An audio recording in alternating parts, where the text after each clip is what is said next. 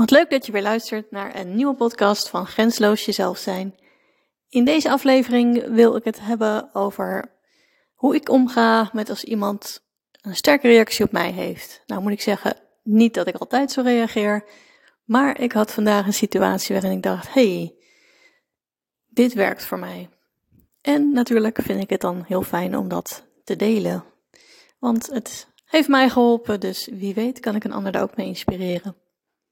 Nou had ik vandaag een situatie dat ik een woordenwisseling had met iemand die bij mij een uh, naargevoel opriep in die woordenwisseling. En ik merkte dat het, ik het zo'n heftige emotie vond dat ik even um, ja, het op dat moment niet toe kon laten, maar wel bij mezelf aan het puzzelen was van goh, wat gebeurt er allemaal bij mij en waarom roept het zoveel bij me op? En op het moment dat ik daar een beetje mee bezig was, dus tijdens de woordenwisseling, kreeg ik de vraag: Goh, wat voel je op dit moment? Wat gebeurt er bij jou? En op het moment dat ik uitsprak dat ik me verdrietig voelde, want dat was mijn conclusie, ik voelde me verdrietig, had die ander weer een sterke reactie op mij, want die was daardoor van slag. Want die voelde zich verantwoordelijk voor hoe ik me voelde. Nou kon ik nog niet goed mijn uh, verhaal afmaken en ik dacht even bij mezelf, nou, ja, maar dat is helemaal niet wat ik bedoelde. ik gaf de schuld helemaal niet aan de ander. Ik zei letterlijk alleen, ik voel me verdrietig.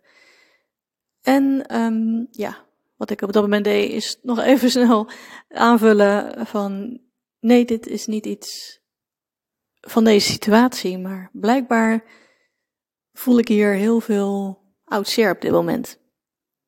En dat hielp de ander om te zien van, oké, dit gaat niet over deze situatie nu, maar dit is iets meer dan dat. En ja, ik sprak ook letterlijk uit en dat is echt mijn um, overtuiging en ook wel een van de basisdingen van NLP. Jij bent niet verantwoordelijk voor hoe ik me voel. Ik ben zelf verantwoordelijk voor mijn eigen gevoel en het kunnen heel veel herinneringen zijn die allemaal dingen kunnen oproepen, maar uiteindelijk ligt het niet aan de ander, want de ander zit niet bewust op een knop te drukken bij mij om me zo te laten voelen. Ik weet dat niet de intentie is van de ander om mij verdrietig te maken, dus dat leg ik, leg ik ook zeker niet bij een ander neer.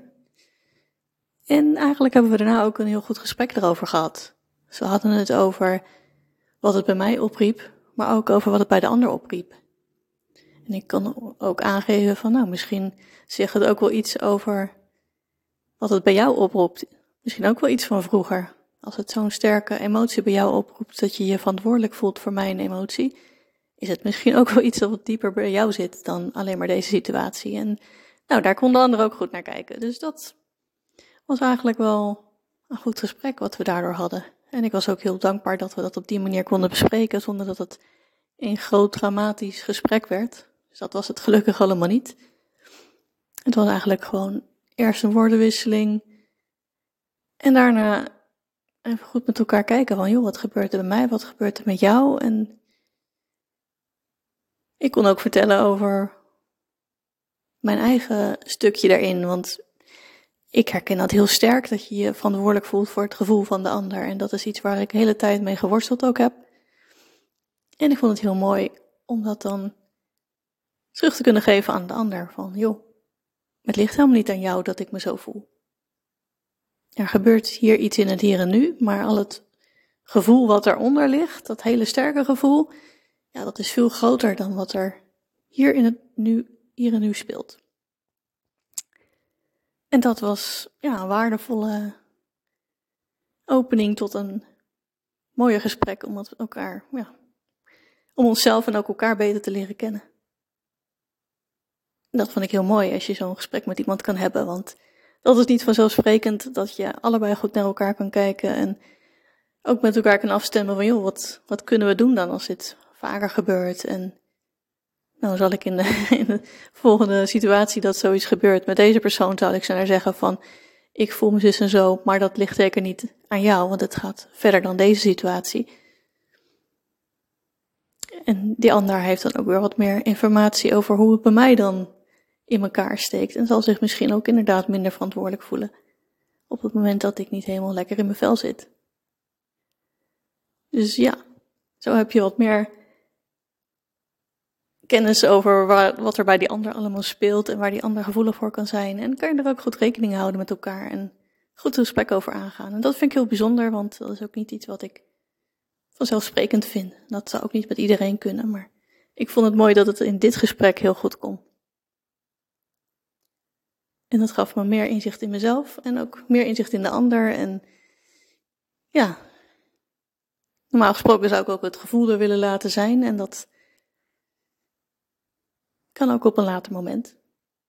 Dus ik ga het voor mezelf nog verder uitdiepen en ik ga hier over schrijven, want dat helpt me altijd goed om bij mijn gevoel te komen, om